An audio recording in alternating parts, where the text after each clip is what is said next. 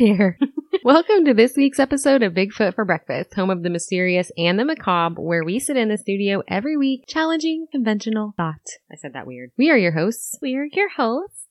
Yeah. Da. Guten Tag. We're going to Germany this week even, so we're right on script. I'm getting a new stamp on my adventure passport. Yeah, you mean you're like fake one? Yes. Because you haven't gone anywhere outside the United States. I don't even have a passport. I don't even have a star on my driver's license. I have a passport. It doesn't have any stamps in it. Don't you have to have a star if you are a pilot? No, to travel. Oh, period. Yes. Oh, I thought if it was someone that like flew commercially, as in flew the plane. Nope. The one who gets on the plane to ride it. Well, I'll never need one of those. I will drive anywhere in the continental U.S. Ain't no one got time for that except my daughter, who's been harassing me relentlessly to take a road trip. Like, I don't care where, I just like driving. Right? Her aunt's niece. Well, we do enjoy road trips, but most of the time, if I'm on vacation, I want to spend all my time on the vacation. Nope, I like being on the road. Couple days on the vacation, lots of time on the road. Anywho, we are indeed Sarah Jones. Samantha Carter. And we are super happy to be finally back in the studio on a regular schedule now, hopefully. We know that things have been a little sporadic over the weird COVID summer, but honestly, we're always trying to stay on track and we'll do our best to keep bringing you guys consistent, weird and creepy stories because, well, we love to do it. And we're always happy to hear feedback from all of you listeners. Speaking of feedback, if you would like to send us any, you can do so at bigfootforbreakfast at outlook.com, Facebook, Instagram, or the Twitter. Even better, you can leave us a voicemail at 641-812-2635 and we'll play it on our next episode. And as usual, don't forget to push the subscribe button on whichever podcast platform you happen to be listening from so that you can be notified each week when we publish a new episode. This week, we've got a super weird, very creepy, extremely sad, and even worse, completely unsolved story for you. We've always found this one to be incredibly unsettling. The story of the Hinterkaifeck murders is one that has stood the test of time, taking a small and quiet rural area by total surprise, creating suspicion among neighbors and friends as they wondered both silently and openly who among them could have executed an entire household so brutally. The simplicity of the whodunit aspect didn't even make up the biggest parts of the whispered conversations that took place around the quiet countryside. The eerie events and coincidences that occurred in the months preceding the event, along with some additional information about the victims themselves that seemed to surface afterward, made up the largest bulk of it. Different crazy details just kept emerging and emerging from this case as the investigation went on, and these details are what make the situation at Hinterkaifeck so infamous. And that's what we'll be talking about today. The Hinterkaifeck murders have baffled and unnerved many, many people in the years since they took place. The entire thing took place in the beautiful countryside of Bavaria. This was a farming area. Quiet, calm, a small settlement named Kaifeck that set 50 miles or so north of Munich. Everyone seemed to know each other and nothing too out of the ordinary usually happened around there. They were just simple people living simple lives. Things out of the ordinary usually happened, then they wouldn't be out of the ordinary, would they? I guess that's absolutely right. Contextually. Great observation. Mm, yes. Hmm. Moving on. da? That? That's Russian, isn't it? I don't know. I'm not that. I'm not that cultured. okay. Anyway, people of routine predictability. A small farmstead in the area just northeast of the Kaifeck settlement housed a family of five and they were no exception. Fun fact, Hinter Hinterkaifeck is what the farmstead would come to be known. The prefix hinter means behind, so the name of the farmstead literally means behind Kaifeck. Andreas and Kazelia Gruber live there in the home with their adult widowed daughter Victoria and her two children, Kazelia and Joseph. Actually, it's spelled it Joseph. Joseph? I think it's Yosef. I have no wish to fight you. A few different things started to make neighbors and townspeople suspicious that something ominous had gone on at the Hinterkaifeck farm. First, on Sunday, April 2nd, many people noticed the absence of Victoria from church. She typically sang in the choir and was said to be one of the best singers in the area. A couple of friends showed up at the farm that morning to pick her up, as this is how she would normally get there. But she never emerged from the house, so they went on to church assuming that she wasn't coming. It wasn't normal for her to not show up to sing. The next day, Monday, April 3rd, Victoria's daughter, little seven year old Kazelia, was noted to be absent from school without any word as to why or any notification from her mother. The following day, Tuesday, April 4th, Kazelia didn't show up for school again. And again, no word from her mother or anyone in the family despite her absence. The same Tuesday, the mailman had also been alarmed when he noticed that no one had been gathering the mail from the family's mailbox, and it was really starting to pile up. He had told some people in town that looking through the piled up mail, it looked like it hadn't been touched since Saturday, April 1st. April Fools! Do other countries celebrate that, or is it just America? I have no idea. America, the land of irrelevant holidays, like International Talk Like a Pirate Day. I have no idea why you would not like that. I'm pretty sure International Talk Like a Pirate Day is not celebrated internationally. Nor is it irrelevant. Indeed. Arg. BT dubs. International Talk Like a Pirate Day occurred just recently on September 19th. I missed it. I didn't. Narp? Yarp.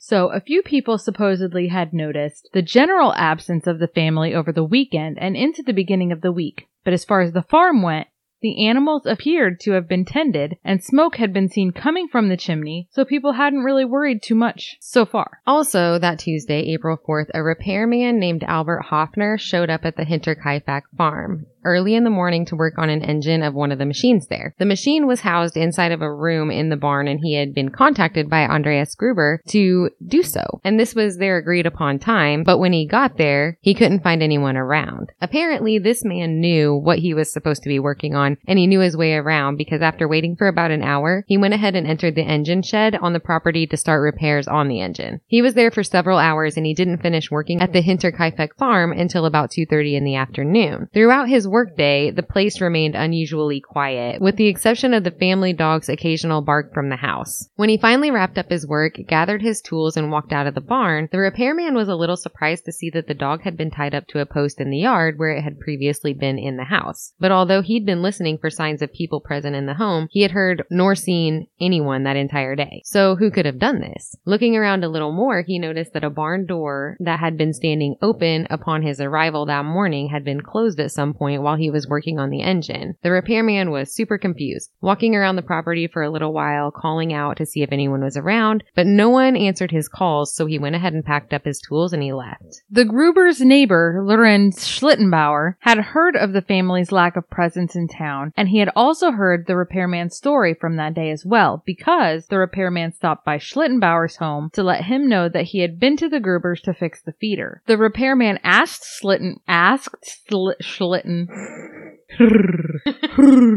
how now, brown cow? The repairman asked Schlittenbauer to let Andreas Gruber know that he had been there and that the feeder was fixed. He also told him about the somewhat strange notion that there had been someone there, but he couldn't seem to find them as he looked around, and no one ever answered his calls. Wouldn't that creep you out to be on someone's place and all these things were happening, but no one would answer you and you didn't see anyone? It would, it would be unsettling. Aliens. Yeah. Obviously. It's aliens. Lorenz Schlittenbauer obviously thought that this was odd, and he was thinking that someone should go down to the Gruber farm. So he had two teenage boys, and he asked them to go down to Hinterkaifeck to check up on the Grubers to make sure that everything was okay. I find that when there's a possibly dangerous, suspicious situation, that sending the children first is always the best option. I mean, send the kids. Send the children. And then if they don't come back, then you call the cops, Yeah. right? From a great distance. Yeah, you don't go down there and call the cops. You just stay at your house and you're like, my children also didn't return. It's So- like how the firemen call the cops the blue canaries. You know, Yeah. you send the firemen in, or you send the cops in first, and if they don't come out, the firemen don't go in. I know from experience, ambulance drivers also call them the Blue Canaries. the boys went down to the farm to have a look around. Like the repairman, they walked around the place calling out, but they also received no answer. Now, at this point, no one really knows if anything is actually wrong. They've just noticed their lack of presence. The family could be sick or out of town or anything, really. I doubt these people who had been to the farm looking for them were actually going all the way into the house and the barns to search. I know that if it was me, I wouldn't go around opening doors and entering buildings on their property at this point. So my guess is that this is just kind of a light search and scan of the property to see what they could see. And they saw and heard Absolutely nothing. Niet. The same weird and unsettling silence that the repairman had heard earlier that day. The boys went back to their father, Lorenz, and they told him that no one was home. Lorenz was not satisfied with this though. He was really becoming concerned that something didn't seem right. So he talked to a few of the other neighbors, two men named Michael Pohl and Jacob Sigel. The three men decided to go down to the Hinterkaifeck farm and actually search for anyone in the family. Now, it looks like from the photos that the house and the barn are actually one long angled building and it's all connected. The living quarters on one side and the barn on the other. If you were to walk up to the house through the courtyard, there is a big front door, and this is the main door to the house. There is actually another entry door to the house from the outside, but from what we read, it wasn't really a usable door because an apparent plumbing mishap caused the family to create somewhat of a quick fix and some of the water pipes ran across the entryway and blocked the door from opening. This really doesn't matter though at the time because the men weren't able to get inside the living quarters because both of the doors were locked. However, walking around the house to the barn area of the building, the three neighbors were able to enter the building through one of those doors. So was there a door that connected the barn to the house? Because that would make winter chores a breeze. Yes, there was. We'll get to that later because I give a better description of this. But yeah, actually, Okay. it all runs together.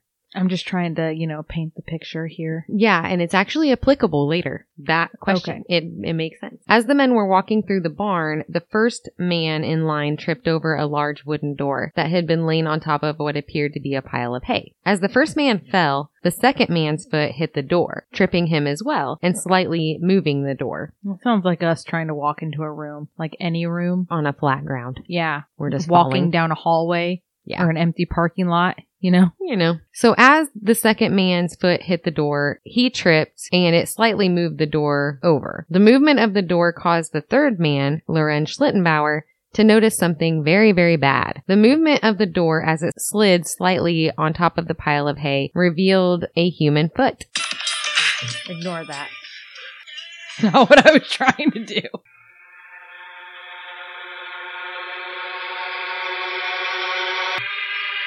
A human foot. Yeah. Okay. A human foot. So underneath the door, there was a human foot. We established that. So horrified, obviously, two of the men hurried to slide the door even more as Schlittenbauer pulled on the leg, sliding the person out from its makeshift hiding place. The first person found was 63-year-old Andreas Gruber, and he was definitely deceased. At this point, the three men picked up the door, completely removing it from the top of the pile of hay, and this revealed three more members of the family. 72-year-old Kazalia Gruber, Andreas and Kazalia's daughter, 35-year-old Victoria Gabriel, and her young 7-year-old daughter, Kazilia Gabriel, all lay lifelessly piled on top of one another, soaked in each other's blood with a layer of hay between each of the bodies. It was horrific. We say that it was horrific because it truly was. And not just because they had found the bodies of these four people. The manner in which this family died was absolutely gruesome and probably very hard to see. Andreas Gruber was said to be almost unrecognizable, with his face being completely collapsed, with the exception of a few sharp protruding bones. The other family members were pretty much in the same shape, having been killed by obvious blunt force trauma and little Kazalia clutching tufts of her own hair. It was a huge, devastating mess. So now they know why the family has been so notably absent from the normal day to day lives in town. At this point, Victoria's young infant son, Joseph, had not been found, and the men were thinking that maybe the boy was still alive somewhere on the property, likely in the house. So they went back to the house to try to find a way to get in. Looking around, they noticed a smaller door that led to the feeding stalls. In the feeding stall area, there was another door leading to the kitchen of the house, and the men were able to enter the residence this way. Hurrying into the bedroom of Victoria Gabriel, they did find the young boy, but it was too late. He too had passed in the same way that his family had met their ends. Someone had come into the room and hit the infant boy in the head with a weapon, killing him in his crib. Afterwards, whoever killed the boy grabbed one of the mother's skirts and used it to cover up the boy and what they had done to him. So trying to hide or conceal the corpses shows remorse, yes? I mean, kinda. We discussed that later too. I mean, yeah, it does, but I've been watching Criminal Minds with my cats again. I told my daughter the other day that I was canceling our Netflix and she says, How will we watch Criminal Minds? And I said, Damn, we Damn. we can't cancel Netflix. well played. As the men continued, stop. as because I said as, as. Jeez. Calm down. No. As the men continued to walk around inside the residence, however, they were surprised to find yet a sixth body in another small bedroom that sat directly behind the bedroom of Andreas and Cazalia Gruber. This was a woman that none of them seemed to know, and none of them seemed to know why she would be there, because it was well known that the maid who had been working for the Grubers for years had quit and moved out about six months prior to this day. So who was this woman? Well, it turns out, in a cruel twist of fate, a new maid had been hired to work at the Gruber home. Her name was Maria Baumgartner, and she had arrived at Hinterkaifeck just the previous Friday, which was thought to be the very day that the family was murdered. So this poor woman had only been at the farm likely hours before she was killed. Worst timing ever. Maria's sister traveled with her to the Gruber's farm to meet the family and stayed for a short time, enjoying a meal with them before she bid Maria farewell and left for home. The sister of Maria Baumgartner was likely the very last person to have seen the family alive. Highly suspicious. Hmm. Maybe Maria was escaping an abusive boyfriend. Why would you say that? Then he followed her and killed the whole family. Ooh. Yeah, that's not even a theory that was introduced. Hi, my name's Sam, and I'm really good at theories. Keyboard investigator. Armchair detective. That's what they're called. I'm keyboard investigator, armchair detective, and my chair does in fact have arms. It does.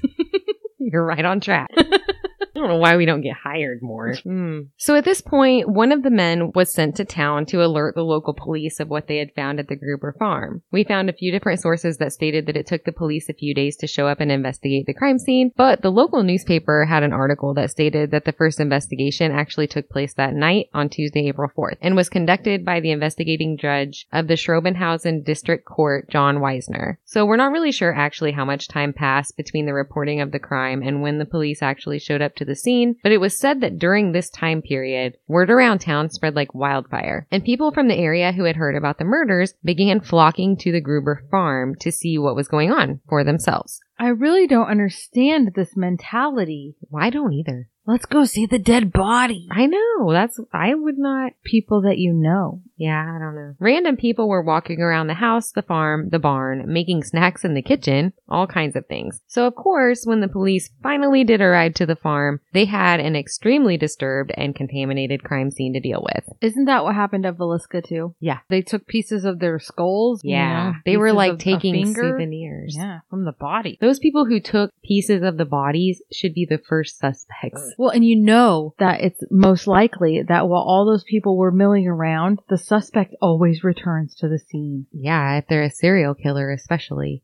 And then, and then, And then, and then, what else you got, armchair? give me a second. Okay, moving on. A second investigation took place on the next day in the daylight and was conducted by Weissner again, along with the representative of the public prosecutor's office, Theodore Hensel. On April 5th, yet a third investigation was conducted by the police department from Munich as well. It was said that the chief inspector from the Munich police department, George Reingruber, expressed of the crime scene, quote, I have never seen such a horrible sight. And by the time he saw it, there had been a public tour and snacks and Right. All the Probably like things. admission charge and all kinds of stuff. What the hell?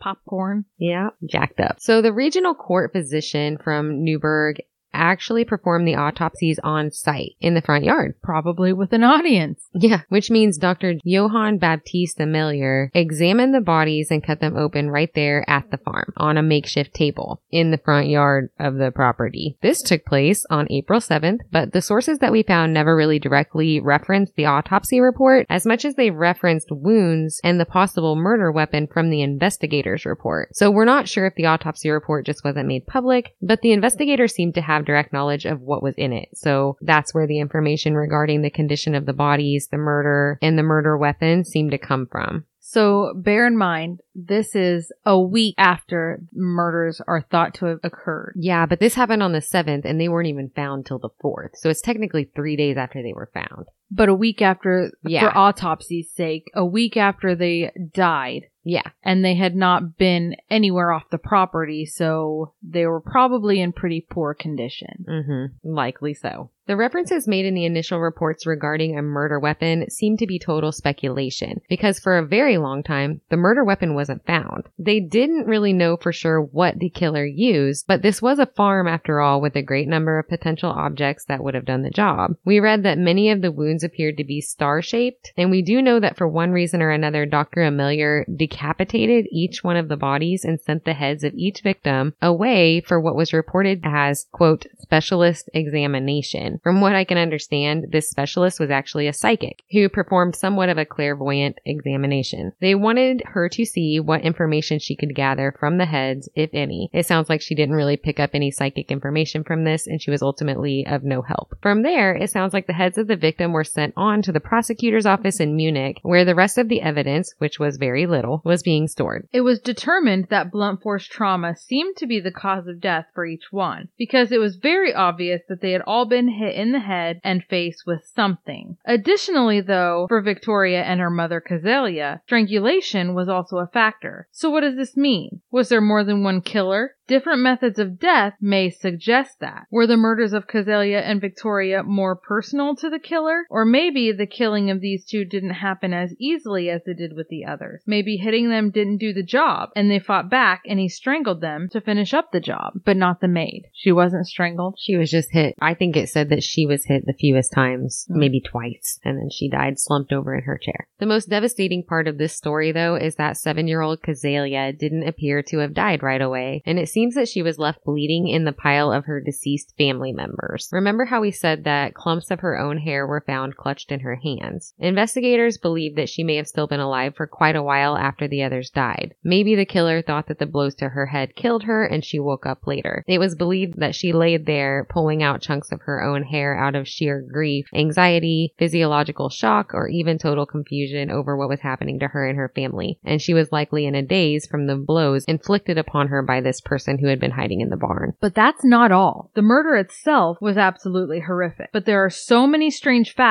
that surround this case. It sounds like the first investigation kind of just wrote the whole thing off as a burglary type situation by a drifter that had maybe gone wrong. But the weird thing about that is that it looked as though absolutely nothing was taken. It said that the house didn't even look like it had been searched or gone through at all, as it usually does when someone is rifling through things looking for money or valuables. The only thing that did look like it was searched was a small cupboard in Victoria's room, but lots of valuable things in the cupboard were left untouched. Gold coins, silver coins, two rings, a pair of gold earrings, two wedding rings, one silver watch, a silver women's watch, and a fur stole. I thought it to be a little weird that it was only Victoria's things that appear to have been rifled through, because I read in an archived article for the Danube Courier that shortly before the murders, Victoria was approached by a pastor who had discovered that she had hidden 700 gold marks in the confessional at her church, and she reacted very nervously when asked about it. So I wonder how that would be connected and why her things seem to have been more disturbed than everyone else's. Throughout the house, there was other money and valuables lying around as well that the killer didn't take. So she was involved in a heist. Or how did her husband die? We'll get there. Obviously, I haven't read this story yet. I'm intrigued.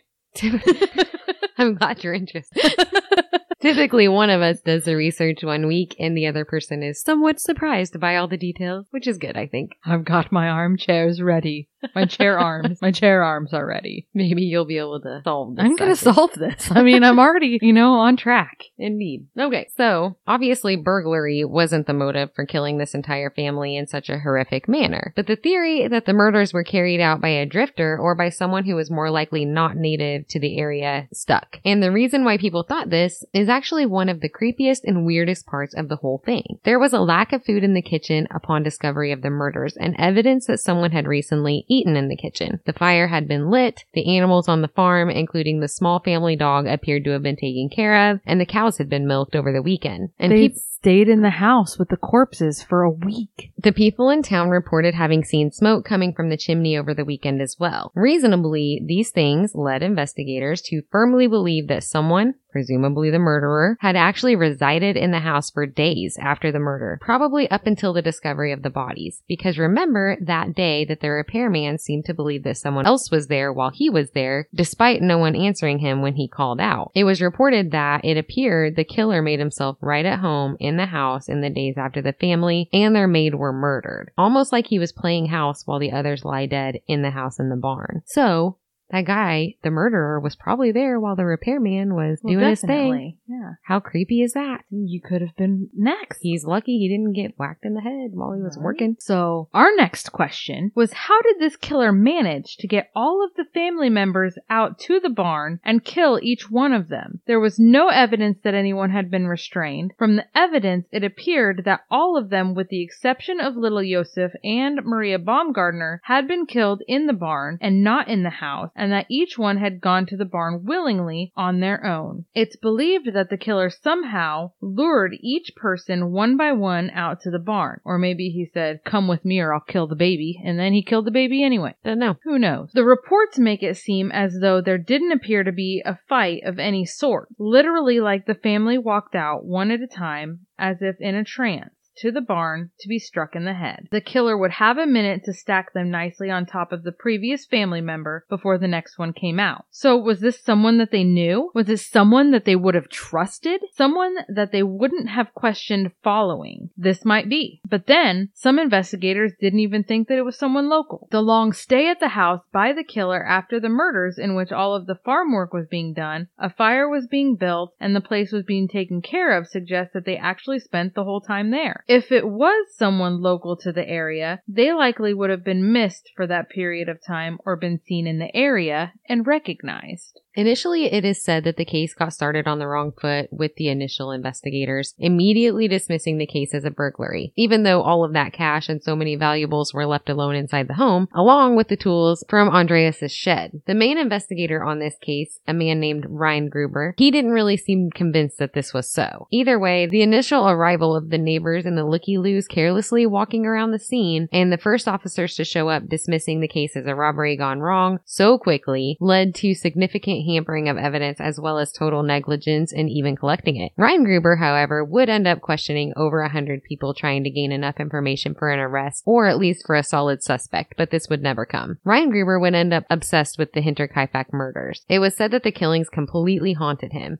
especially those of the children. He didn't leave too many people out. He questioned vagrants in the area, people had been traveling through, local teenagers, the postman, and many, many others. When it came to suspect, there didn't seem to be much of a shortage. It turns out that the Gruber family, especially Andreas, wasn't exactly a well liked or well respected family in the area. Why? Tell me more, tell me more. Yeah. The Hinterkaifeck farm had actually belonged to Andreas Gruber's wife, Kazelia, who inherited it after the death of her first husband. Is it Joseph? Joseph Assam. This had been a farm belonging to Joseph's family before him. About a year after her husband's passing, Kazelia married Andreas and the couple had Victoria. I could only find information that Victoria was their only child, but a few different sources reported that Andreas and Kazelia actually did have other children, but that Victoria was the only surviving one. Andreas was reported to be extremely abusive, and some of the articles kind of alluded to the fact that possibly this is why his other children hadn't survived. No source actually said that this was because of Andreas for sure. If you think about it, in the 20s, death rates for infants and children were much higher than they are today due to illness as well, so it's really hard to say. The family was referred to several times as somewhat reclusive, and Andreas didn't sound like an outwardly friendly guy. The only one of them who seemed social in any aspect was Victoria, who seemed to have a few friends in town and sang in the church.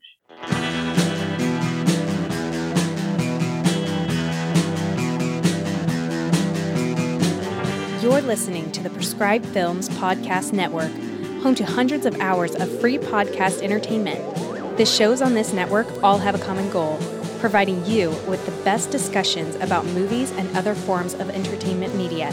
The PFPN hopes to fill your earholes with audio joy. Visit our website with links to all the other amazing shows at www.thepfpn.com. Thanks for listening.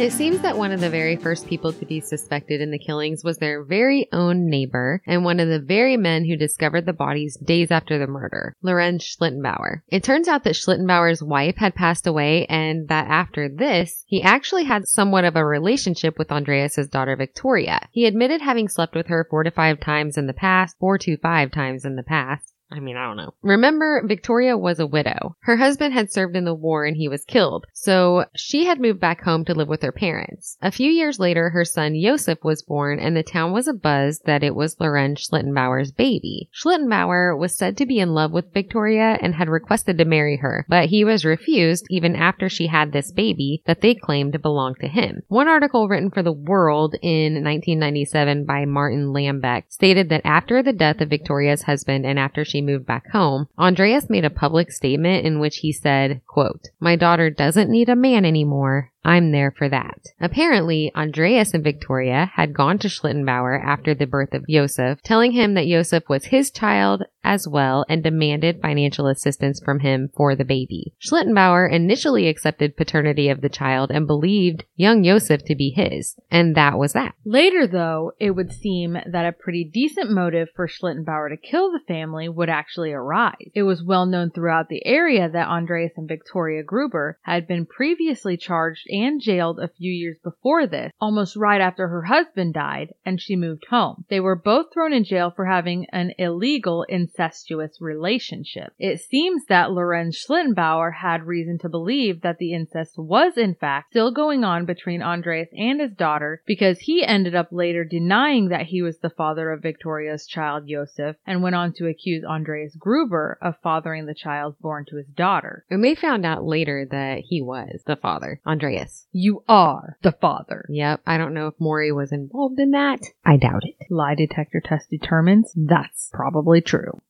Remember, it seemed like Schlittenbauer was in love with Victoria and had been trying pretty hard to marry her despite refusal from her father. So who knows how this would have made him feel? Not only were his feelings at play here, but also the fact that Victoria and Andreas had been taking money from him for this child that they likely knew was probably not even his. In one report, it was stated that the demeanor of Lorenz Schlittenbauer upon discovery of the bodies also disturbed the other men who were with him. It seems that they thought he seemed a little too uncaring or callous when uncovering the victims and digging them out of the hay under the door. This behavior obviously made him look suspicious, especially in combination with the obvious motives that he would have had to commit the crime. One could speculate one could surmise that he was likely the killer and this might be pretty reasonable, but it's hard to say how a person would react in this situation. Sometimes the pure shock of what a person is witnessing makes them act strangely, and everyone deals with things like this differently. Some people take it for what it is and deal with the task at hand, and some people get really emotional and don't handle a stressful situation well. Obviously, we are not defending him or saying that he is or isn't guilty.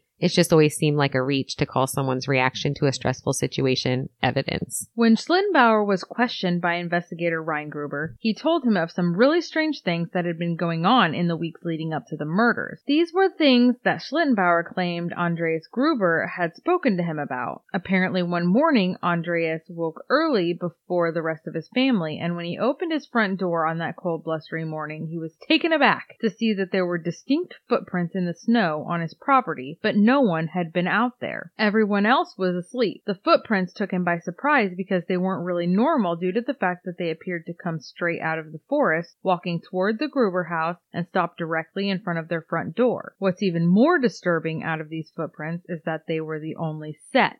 Despite checking every single door and window around the home, there were no footprints leading away from the house. It's reported that Andreas followed the tracks in an attempt to see where they had started, but they appeared to literally start right at the forest's edge. This really bothered Andreas, as it freaking should, and he ended up making himself crazy searching the entire house for an intruder, but never did find anyone in the house who wasn't supposed to be there. Even if I didn't find somebody, I would be going crazy. Yeah. Where are they? Where are you? Schlittenbauer also told the investigator that Andreas had been hearing strange noises in the attic. Noises that were very distinct and loud, making Andreas think that someone was up there. But when he would go and have a look around, he would always find absolutely no one. Now, those little tidbits of him, meow. Those little tidbits of information seemed at first to only come from Lorenz Schlittenbauer, who told the investigator about it as he was being questioned as a suspect in the murder. So who knows if he's telling the police these things just because he wanted to lead them astray, or if Andreas had really confided these things to Schlittenbauer prior to the murders. But according to some sources, it seemed that an iron worker in town reported having heard these things from Andreas as well. Schlittenbauer also told police that the day before the murders, as Andreas was talking about the strange goings on around the farm, he offered Andreas a firearm, but Andreas declined this offer and said, I'll take care of it. It's unclear who this next bit of information comes from, but at one point, shortly before the murders, Andreas had found a weird newspaper in his house from Munich as well. This really doesn't sound like it would be a big deal, but after finding the footprints in the snow, it kind of freaked out the family because it didn't belong to any of them. No one had visited the farm and they didn't even subscribe to this paper. Around the same time that the newspaper had been found in the house, the family experienced an incident in which they could not find Victoria's young daughter, seven year old Cazelia. It was dark outside and the family spent almost the entire night looking for her. This was apparently reported by Cazelia's teacher. Apparently, the child had been found located sometime in the night in the woods across the field from the house, which they called Witch's Wood. The young girl was reportedly very confused upon being found and wasn't really able to tell the family why she had been out in the woods in the first place. It was reported as well that the very day before the murders occurred, Andreas had gone out to do the chores when he found that someone had tampered with the lock on his shed, obviously trying to get in. The door and the lock had been severely damaged and it appeared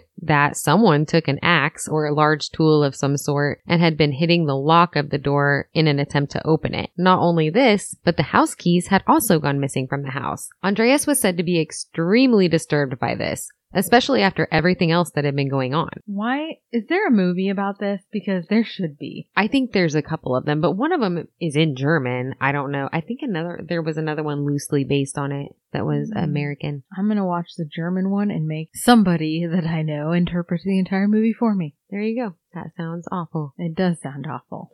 Initially, we thought that if Schlittenbauer was guilty of murdering the family, it would be reasonable to think that none of what he told investigators about the family's weird experiences leading up to the murders were likely even true, because he might be attempting to thwart the investigation or divert the attention of the investigators in another direction, and Andreas Gruber never reported any of these happenings to the police. Whew, that was a long run on sentence. But they also interviewed the Gruber family's previous maid, the one who had quit and left the farm six months earlier. Her name was Crescence Reiger. She testified that she had walked into the barn and witnessed Andres and Victoria engaged in sexual activity, as well as overhearing multiple conversations within the household to lead her to definitely believe that this sexual relationship was going on. She also testified that while it wasn't the most pleasant place to live and work, there were some other things that occurred making her want to leave the farm for good. The maid, Crescent, was in the house alone a lot of the day and she was getting some pretty weird vibes. She reported things frequently being moved around within the house when there was no one else there, hearing strange definitive tapping noises coming from the walls and from the attic as well as hearing frequent voices and footsteps coming from the attic also. She would go up to investigate and find absolutely no one. She also reported constantly feeling as if she was being watched. She seemed to be extremely unsettled by these things and cited her reason for leaving the job and moving off the farm as being,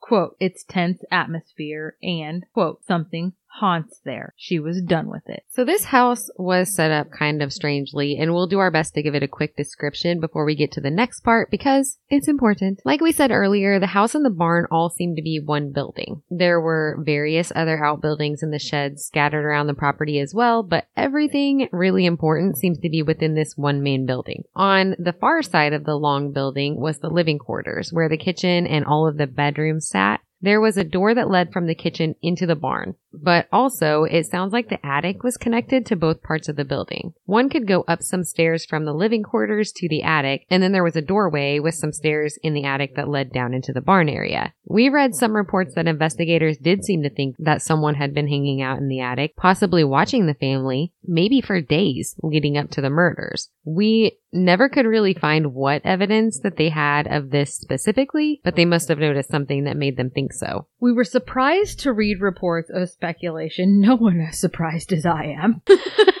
Sam is just learning too.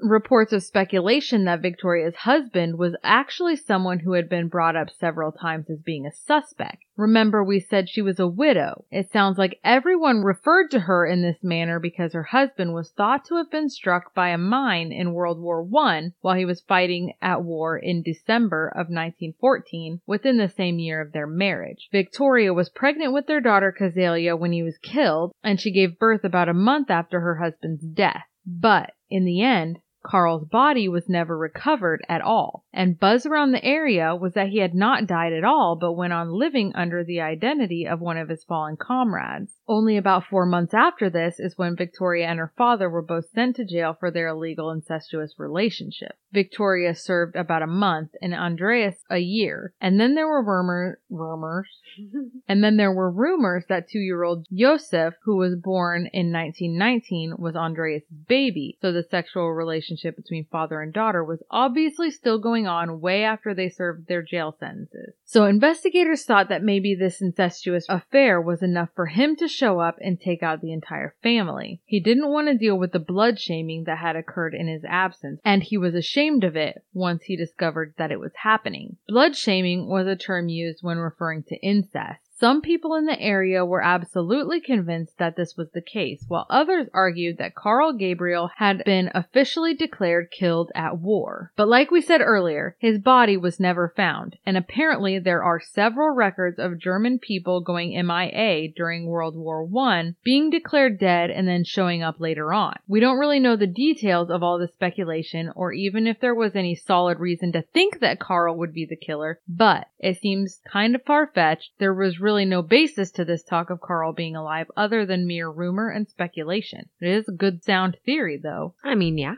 it does. It is. A German newspaper record from 1922 stated that there was actually yet another couple of local suspects taken into custody. The article reads, quote, Despite extensive investigations, the perpetrators on April 1st at half past four o'clock, the perpetrators have not yet been identified. There may be a perception of the act that a cyclist has made. On April 1st at half past four o'clock, that is, on the night of the crime, on the district road from Brunnen to Schrobenhausen, two young boys, about 20 to 23 years old, met, who were very frightened when he approached. One of them even lay down in the ditch and held his cap in front of his face. The second also turned to the side so that the cyclist could not see his face. One of the boys is about 1.7 meters tall, was wearing a dark brown suit, long trousers, a beanie, and was without luggage. The second one was about 1.65 meters tall, covered, wore a brown gray hat, and was without coat and was believed to be carrying a backpack. It can be insinuated from the shy behavior of the two that they did not have a good conscience. On April 11th, a young man came into the kitchen of the restaurant in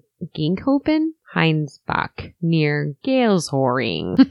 I have no idea. What? Geiseloring. And he bought cigarettes. He asked if the Greens were in the restaurant, and then he made a remark that he had not come to be caught today. He then walked away through a rear door, although he had been assured that no police body was present. Did they wear green uniforms? Is that the question? I don't know. Are the greens in, like, are the cops, are there any cops here? Is that? You know, I'm going to be honest right now, and I thought he was asking about a family Okay. by the last name Green. Okay. But that's a really good observation. Maybe that is true because they could be in green uniforms and that's what they called them. It's all in the armchairs. Right? You're good at this, Sam. Anyway, it's your calling well, it was for a while. for a minute. Well, you weren't a detective. Maybe you should have went that way. Those opportunities didn't exist. Indeed. This guy was about 23 years old, 1.68 meters tall, blonde, brown, or yellowish cap, gray military suit, and he lacked the middle teeth on his upper jaw. He speaks a lower Bavarian dialect. End quote.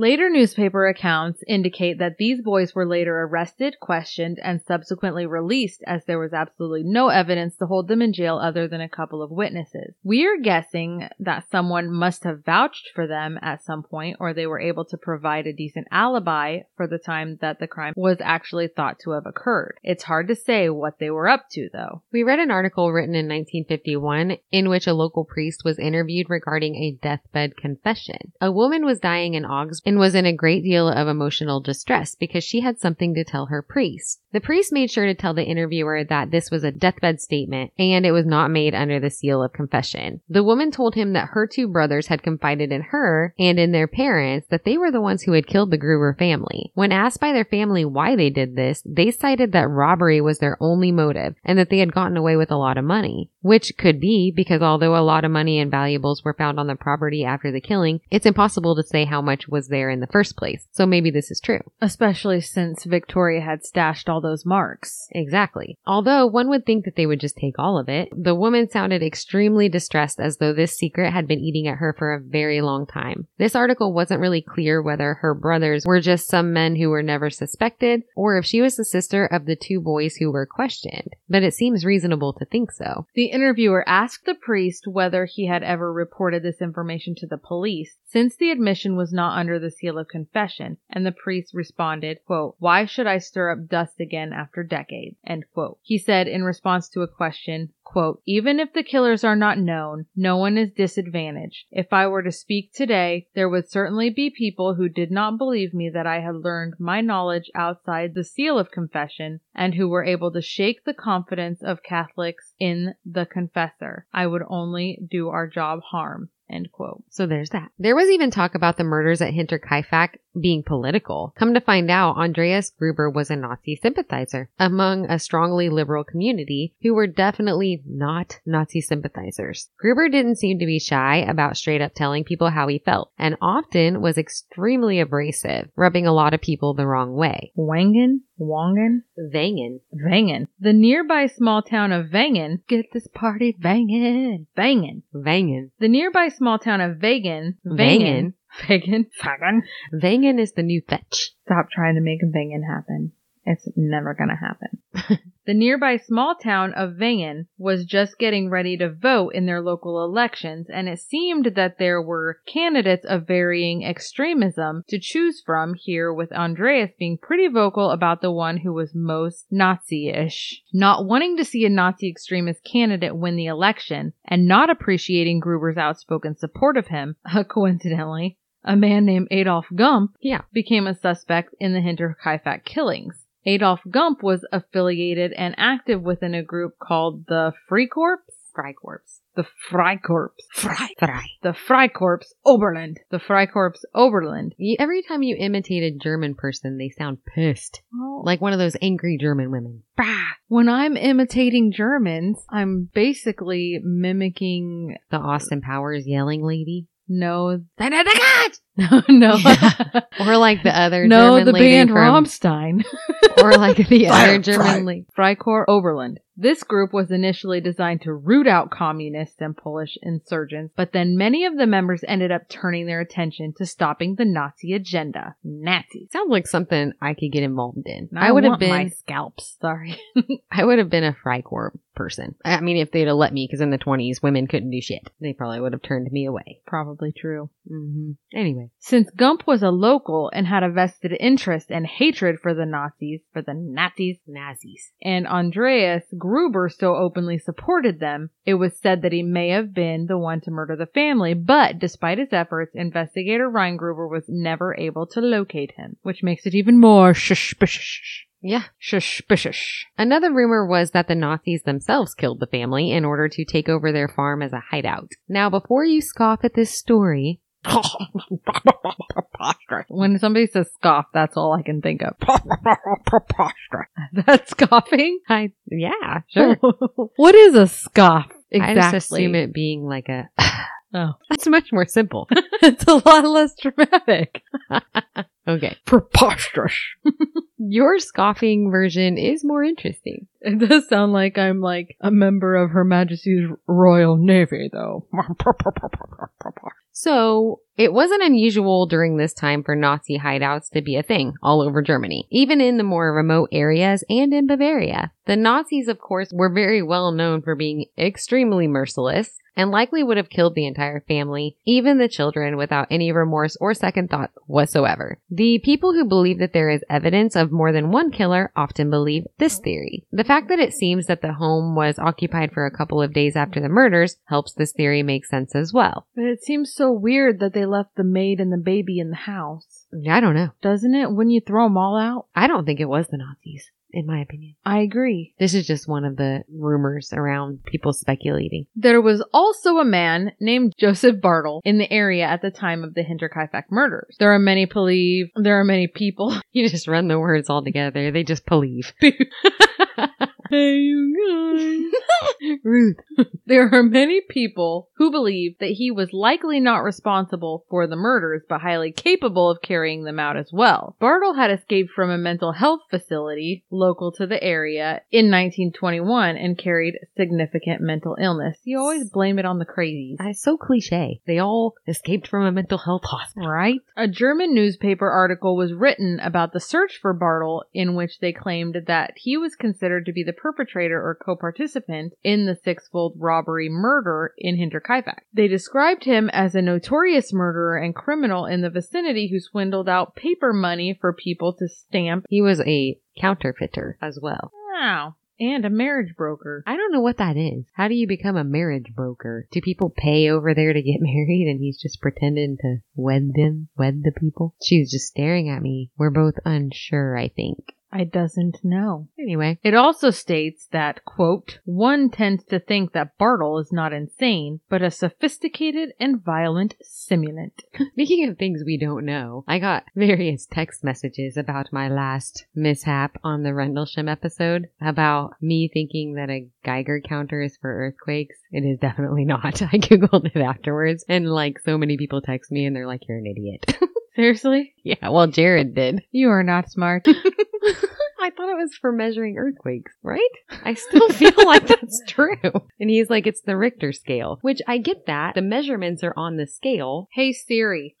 Uh-huh. Do you use a Geiger counter to measure earthquakes? No, you moron. Do you use a Geiger counter to measure earthquakes? Here's what I found. Says, no, you're dumb.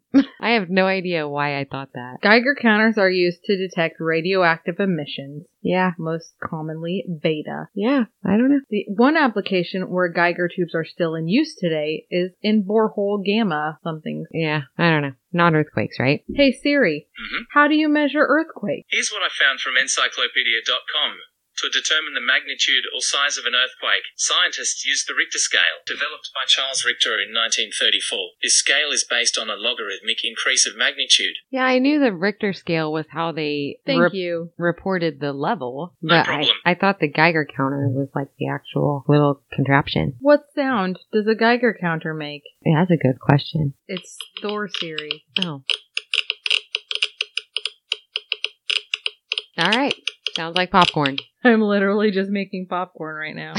Okay. Anyway, we should move on. I just had to address that since I screw up all the time. And I'm sure somebody on YouTube was mean to me. I just don't even want to go look. oh, I'm going. I don't want to know. You continue reading and I'm going. go see if anyone left him. The YouTube people, YouTube listeners are the ones that call call me out the most, which I don't mind being called out really. Well, considering our biggest YouTube listener is my 12 year old daughter's best friend. But he's never been the one. No? Uh-uh. I No. figured he would be the point of order. No. He's not. He's not. He's always pretty cool. Okay. But along with the Joseph Bartle theory came the Friedrich Haarmann theory. Haarmann was a serial killer who was rampant in the 1920s and he was said to be vampiric. Other than the fact that Haarmann happened to be active during this time, it doesn't really seem like people had much reason to suspect him or of Joseph Bartle for that man- matter. For that matter.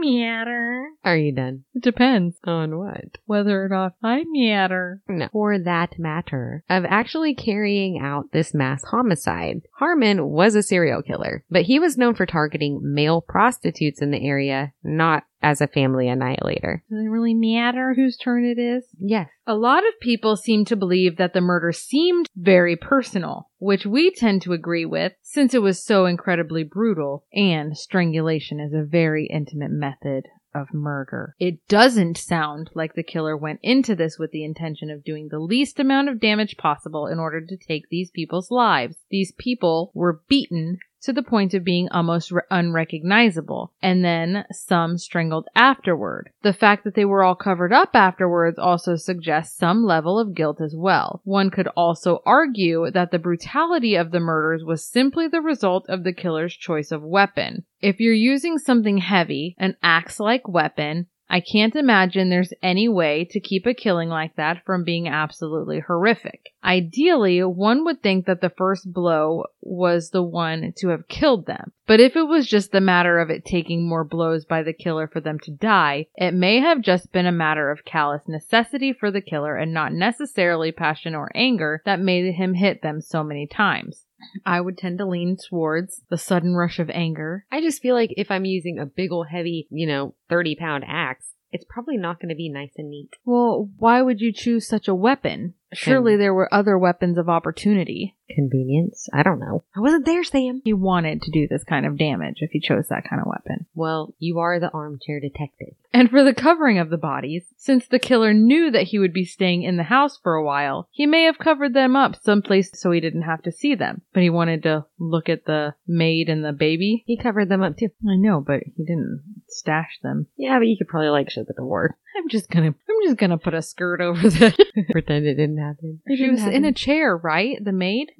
Yeah, but he took her bed sheets and covered her up. She was like she had been sitting in the chair, but had slid down off the chair when she got hit, and then he covered her up with a bed sheet. She was also dressed in daytime clothes, so there was a few of them that were. Because in the picture, it looked like Andreas Gruber was dressed in his work clothes, like overalls and a collar shirt. Mm-hmm. I couldn't tell what the other ones were wearing. But then the maid, that someone made a comment that she was dressed in her daytime clothes. It was almost like it didn't happen in the middle of the night. Like maybe it was during the day that this all happened too. Perhaps. Which I thought was weirder even. But she would also be probably most likely one of the last people to get dressed into her night clothes because she would be continuing the cleaning. No, because she hadn't even started work yet. She arrived there the night before and was supposed to start work the next day. Oh. That makes me feel even more like she was one of the primary targets. She was only there for like maybe six hours Yeah. before someone killed them all. And the fact that she was left out on display makes me feel like she was probably one of the primary targets. She wasn't left out on display. She was in her bedroom. In and then she was sitting in her bedroom in a chair and it looked like someone came in the door, walked up behind her while she was sitting and smacked her in the head with the murder weapon. She slid down kind of onto the floor but was still propped up on the chair and then he covered her with a bed sheet and shut the door. Okay. That's what I understand. I didn't see it. There was no photo of that the way there was of a lot of the other stuff, but that's what the description said. Okay. So, for the covering of the bodies, since the killer knew that he would be staying in the house for a while, he may have covered them up simply so that he didn't have to see them. Who knows? It's really hard to say what goes on in the mind of a person who could do something like this. Is it? Unless you're saying. Is it? It seems like it could go either way. Someone who was angry with the family and targeted them specifically, or it could be the matter of a cold, heartless serial killer or traveling vagrant who wanted an isolated place to stay for a while. The family dynamic seems to have rubbed a lot of people the wrong way, and there were many reports of them being very unwelcoming and not personable at all. So it seems plausible that they could have made someone angry enough to do something like this. Maybe. The supposed murder weapon was eventually found almost a year after the murders. An article written for the Munich Latest News on July 4th, 1923, stated that an item whose name I cannot even begin to pronounce was found above the stairway in a false ground on hay and was probably hidden by the murderers. How's it spelled? Um, it is spelled R E U T H A U E. I'll describe it. Photos of the tool can be found online and it looks almost like a really big axe, but the head is shaped more like a pickaxe. It went on to state that traces of human blood and dried up hair were found on the iron parts of the tool and on the wooden handle. There had also been a pocket knife discovered nearby where the bodies had been found and the prosecutor's office was asking for any information regarding the owner of the knife. Obviously, no one ever came forward with anything useful regarding the knife, and the big tool used in the killing was thought to have belonged to Andreas Gruber himself. Was it like a farming tool? Yeah, it's like It just looks like a big axe handle. It's really long. And then the head of it's as big as like an axe, the big metal head, except the end of it's pointy like a pickaxe. Like they say they're handmade tools that people use on farms. I've never seen one. In 2007, the case was actually reopened and investigators thought a fresh look and advanced technology might give the case a shot at being solved. They should have called me. It was determined that evidence was likely not properly collected at the beginning of the investigation and tons of the evidence was actually still missing, including dun dun dun the heads of the victims. During World War II, the building where the victims' heads were kept was actually bombed, thus destroying all of that evidence. And after that, the Hinterkaifeck file was placed under the category unfinished, unfinished, within the police department and the prosecutor's office. It was cold. A few years after the murder, all of the buildings on the Hinterkaifeck farm were demolished. Normally, there would be hundreds of photos of a crime scene like this to go through before the demolition. No one apparently thought that this was necessary because the only things that describe the actual layout and scale of the farm was one police photo and a sketch, which wasn't overly helpful to investigators who had never been there. Disappointing as it is, it was determined during this investigation that the case was very unlikely to ever see any resolution. As quoted from an unknown writer in an article written in 1951 for the Swabian National newspaper, Do you think the Nazis bombed the building to hide the evidence? mm, I don't know. I think that Augsburg was just bombed. I don't know if you know this about Germany, but it was heavily involved in World War II. What? Pretty well immersed. I always wondered what WWII meant. I'm kidding, people. Geiger counter. I'm kidding. don't divert attention. abort, abort.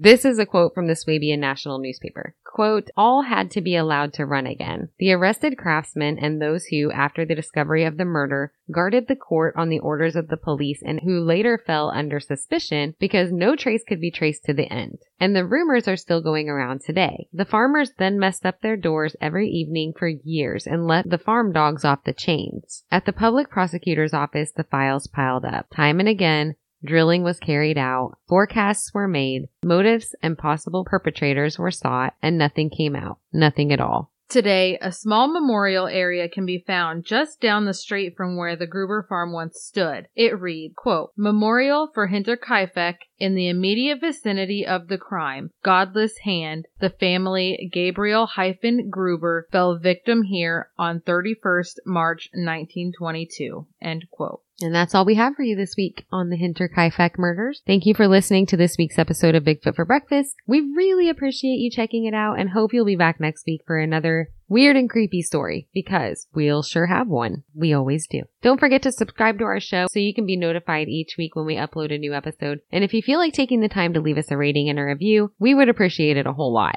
This helps out the show a ton, and we love any feedback you guys choose to give us. Again, thank you so very much for joining us, and we'll see you next week. hey Siri, how do you say goodbye in German? In German, goodbye is Auf Wiedersehen. Duh. Auf Wiedersehen. What do you mean, duh? There was a whole song about it on the sound of music. What song? Auf Wiedersehen. Adieu. Goodbye. Adieu. Yeah, I don't know. To oh, you and you and you. and you and you. Duh. And then Third Eye Blind covered it. Right. I wonder if they translated that song into German. I'd love to hear it. Hey Siri. it. Auf Wiedersehen. Auf Wiedersehen. I don't new language well. Auf Wiedersehen.